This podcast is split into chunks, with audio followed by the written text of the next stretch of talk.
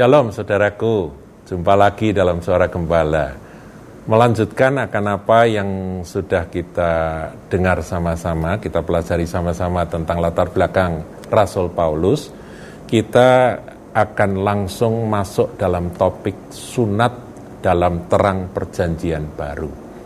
Saudara kita tahu bahwa sunat itu adalah hukum perjanjian lama. Artinya umat Tuhan diwajibkan untuk bersunat. Nah, itu sejak zaman Abraham dan itu dilakukan terus eh, pada pada zaman-zaman berikutnya oleh keturunan Abraham. Nah, saudaraku, ada dua jenis sunat ya. Yang satu sunat Ishak dan satu sunat eh, Ismail. Mereka disunat pada hari yang sama, di mana Ismail pada waktu itu sudah usia hampir akil balik begitu ya. Sementara uh, Ishak baru lahir. delapan hari disunat dan ini pada usia kurang lebih 14 tahun.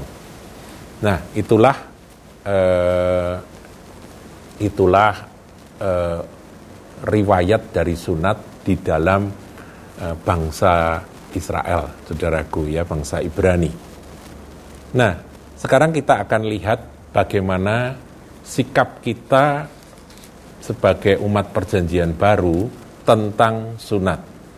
Saya akan ajak Anda untuk belajar dari Galatia pasal yang kelima. Langsung ya, langsung pasal lima, saudaraku. Ini tajam sekali ini.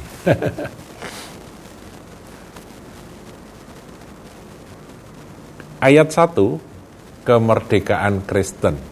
Supaya kita sungguh-sungguh merdeka, Kristus telah memerdekakan kita. Karena itu berdirilah teguh dan jangan mau lagi dikenakan kuk perhambaan. Nanti ada kaitannya dengan kuk perhambaan, jadi kita harus pelajari lebih lanjut ya. Ayat 2. Sesungguhnya aku, Paulus berkata kepadamu, Jikalau kamu menyunatkan dirimu, Kristus sama sekali tidak akan berguna bagimu. Oh, tajam sekali, saudara. Kepada siapa Paulus berbicara? Kepada jemaat Galatia yang adalah orang-orang non-Yahudi. Ketika mereka kedatangan penyunat-penyunat palsu yang kemarin sudah disinggung, kemarin sudah saya singgung di surat uh, Filipi 3 itu, itu mereka datang, banyak mereka yang terpengaruh. Mereka yang belum bersunat karena pengajaran bahwa kalau kamu tidak disunat, kamu tidak akan mendapat berkat Abraham. Kalau kamu tidak disunat, kamu tidak akan masuk dalam kelompok dombanya Kristus dan sebagainya. Sehingga mereka takut dan gentar.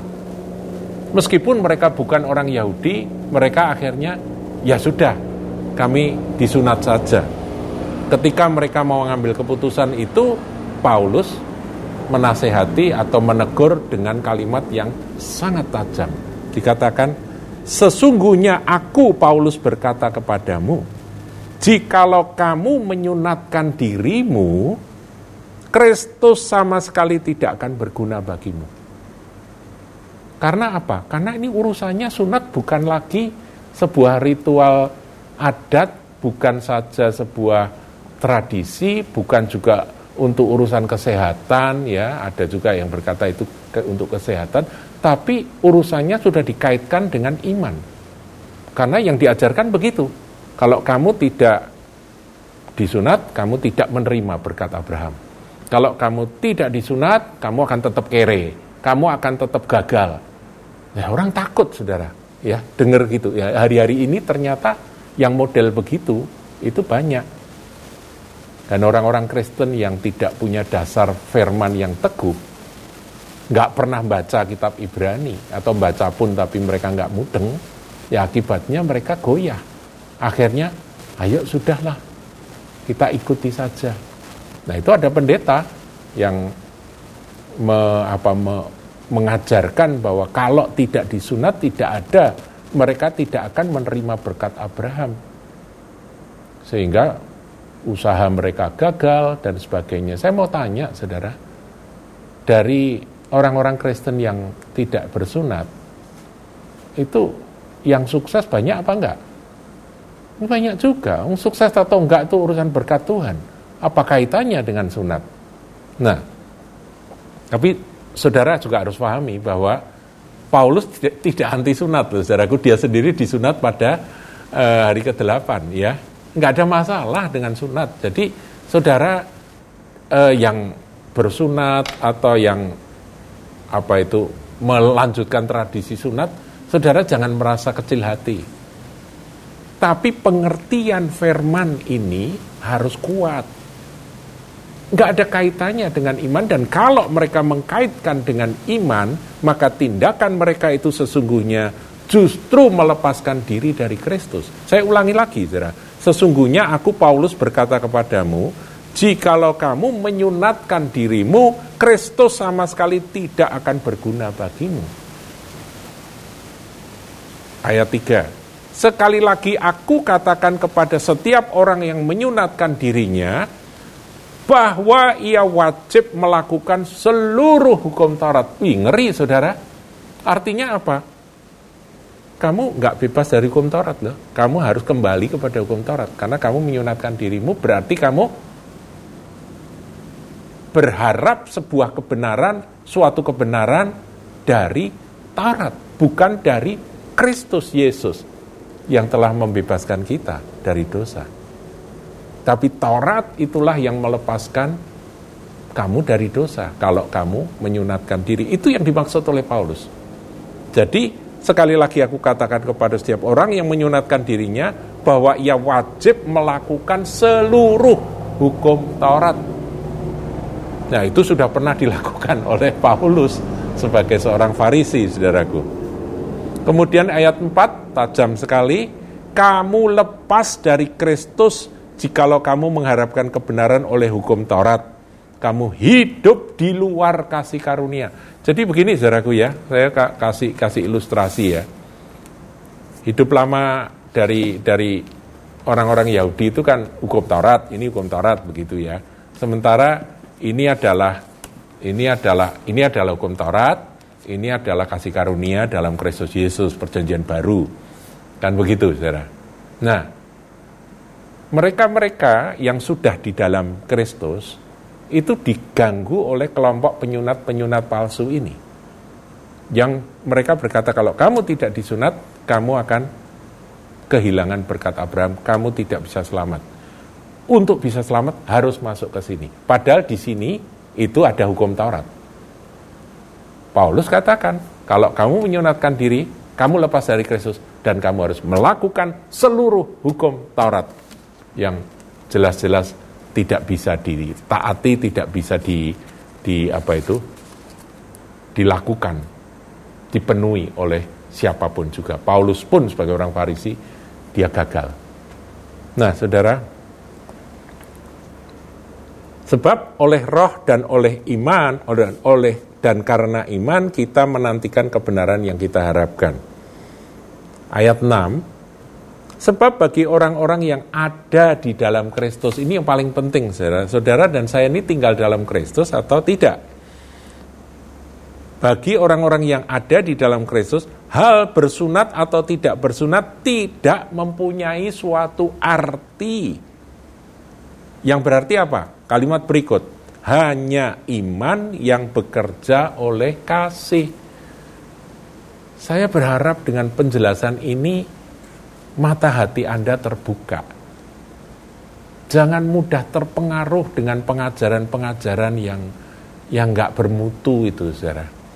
Tapi itulah yang selalu ada di akhir zaman.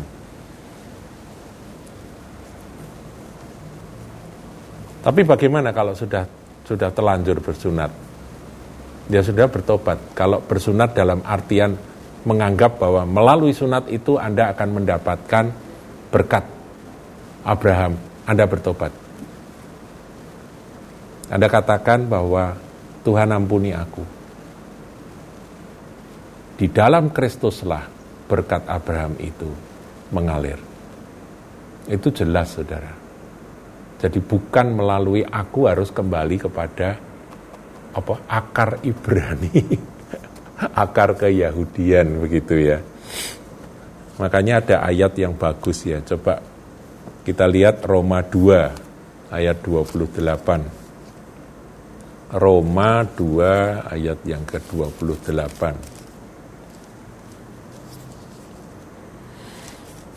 Saya bacakan ya. Sebab yang disebut Yahudi bukanlah orang yang lahiriah Yahudi, dan yang disebut sunat bukanlah sunat yang dilangsungkan secara lahiriah. Hmm, kurang jelas apa. Tetapi orang sejati ialah dia yang tidak nampak keyahudiannya dan sunat adalah ialah sunat di dalam hati secara rohani bukan secara hurufiah.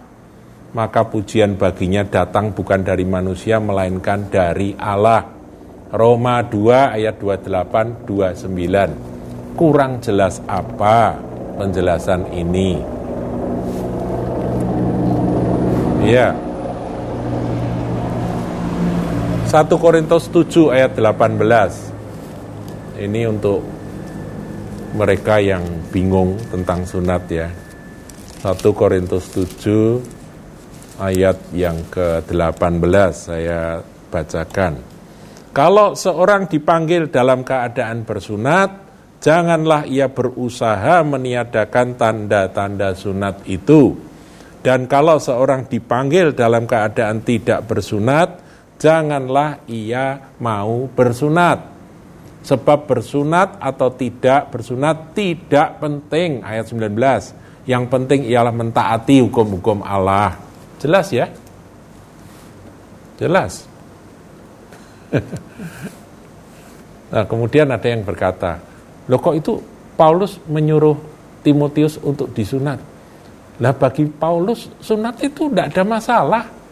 Karena Timotius nantinya karena Timotius itu kan ibunya orang orang Yahudi tapi ayahnya orang Yunani saudaraku jadi Timotius pada waktu itu sudah dewasa sudah jadi murid muridnya Paulus dia belum disunat nah ketika berkumpul dengan orang-orang Yahudi yang pikirannya itu masih keyahudian secara jasmani supaya Timotius ini bisa masuk ke dalam kelompok itu, maka Paulus menyunatkan akan Timotius, anak rohaninya ini. Nah, itu ada di dalam kisah 16 ayat 3. Nah, ini ada ceritanya, saudaraku, kisah 16 ayat 3. Ya, mulai ayat yang ke satu aja ya, biar lengkap ya. Paulus dat datang juga ke Derbe dan ke Listra. Di situ ada seorang murid bernama Timotius. Ibunya adalah seorang Yahudi dan telah menjadi percaya, sedangkan ayahnya seorang Yunani. Timotius ini dikenal baik oleh saudara-saudara di Listra dan di Iconium. Ayat 3, ini yang saya maksudkan. Dan Paulus mau supaya dia menyertainya dalam perjalanan Paulus menyuruh menyunatkan dia karena orang-orang Yahudi di daerah itu. Maksudnya apa? Supaya Timotius ini bisa berbicara diterima oleh mereka. Karena ibunya orang Yahudi tapi kan dia half ya, dia separuh Yunani. Nah dia belum disunat, maka disunatkan supaya apa? Supaya bisa blend, bisa nyampur dan bisa memberitakan Injil kepada orang-orang Yahudi di daerah itu. Sebab setiap orang tahu bahwa bapaknya adalah orang Yunani. Jadi ini dalam strategi penginjilan saja. Sebab bagi Paulus disunat atau tidak disunat itu tidak ada artinya, saudara. Tapi begitu berbicara tentang Titus, ini beda lagi. Titus itu Yunani secara sepenuhnya bapak ibunya Yunani. Nah Galati 2 ayat yang ketiga, di sini kita lihat bahwa untuk Titus dia tegas, tidak. Karena kamu tidak perlu melakukan akan urusan yang berhubungan dengan tradisi. Kamu nggak punya darah Yahudi. Jadi bagi Paulus itu sunat itu sudah menjadi sebuah tradisi yang tidak jelek, tapi juga tidak berarti punya arti rohani kalau mau dilakukan ya monggo-monggo saja. Kalau tidak dilakukan ya tidak apa-apa. Kalau orang Yahudi ya seyogyanya disunat ya disunat. Paulus sendiri juga disunat pada hari ke-8. Nah kita lihat saudaraku ya. Galatia 2 ayat 3. Mana Galatia? Ya ini. Tetapi kendati pun Titus yang bersama-sama dengan aku adalah seorang Yunani, namun ia tidak dipaksa untuk menyunatkan dirinya. Memang ada desakan, ya ayat 4 memang ada desakan dari saudara-saudara palsu yang menyusup masuk. Lalu mereka yang menyelundup ke dalam untuk menghadang kebebasan kita yang kita miliki di dalam Kristus Yesus. Supaya dengan jalan itu mereka dapat memperhambakan kita. Jadi sunat tapi tujuannya memperhamba. Saudaraku kelompok-kelompok yang begini ini, itu nanti kalau anda masuk ke dalam kelompok itu, Anda akan diperhamba. Dengan adanya pengajaran yang bersifat intimidatif, maka kamu harus begini, harus begini. Itu perhambaan. Kita ini masuk Kristus dan kita masuk ke dalam Kristus, kita ini dimerdekakan di dalam Kristus. Makanya ayat 5 kita lihat, tetapi sesaat pun kami tidak mau mundur dan tunduk kepada mereka agar kebenaran Injil dapat tinggal tetap pada kamu. Jadi seluruh isi dari kitab uh, surat Galatia ini itu adalah peperangan rohani, saudaraku, terhadap mereka-mereka yang akan menarik kembali kepada hukum Taurat melalui jalur tradisi sunat tersebut. Nah, di orang-orang non-Yahudi harus dimasukkan Yahudi dulu supaya jadi Kristen begitu. Nah, ini yang dilawan oleh Paulus. Makanya kelompok yang pakai nama Yahweh ya yang kembali ke dalam nama Yahweh meskipun Yod He Wohe itu adalah nama yang ada di dalam perjanjian lama tetapi perjanjian baru sama sekali tidak menyinggung akan hal itu saudara Tuhan Yesus memperkenalkan sebagai Bapa dan perjanjian baru juga ditulis dalam bahasa Yunani di mana setiap kal itu melanjutkan akan akan uh, tradisi dari Septuaginta setiap kali ketemu Yod He Vo He langsung ditulis dengan Kyrios atau Tuhan. Ya begitu aja. Nah, kita umat perjanjian baru tahu boleh saudaraku. Tapi jangan terus memaksa harus manggil nama itu lagi. Ngapain saudara? Kita kenal sebagai Tuhan, sebagai Bapak, yang nama satu-satunya yang membuat kita selamat adalah nama Yesus Kristus Tuhan. Tidak ada yang lain. Nah ini orang-orang ini penyunat-penyunat palsu ini masuknya melalui macam-macam itu. Hari-hari ini ada itu saudaraku. Dan saudara kalau ada yang begitu, cepat-cepat saudara konsultasi dengan gereja sehingga mendapatkan penjelasan. Tuhan Yesus memberkati.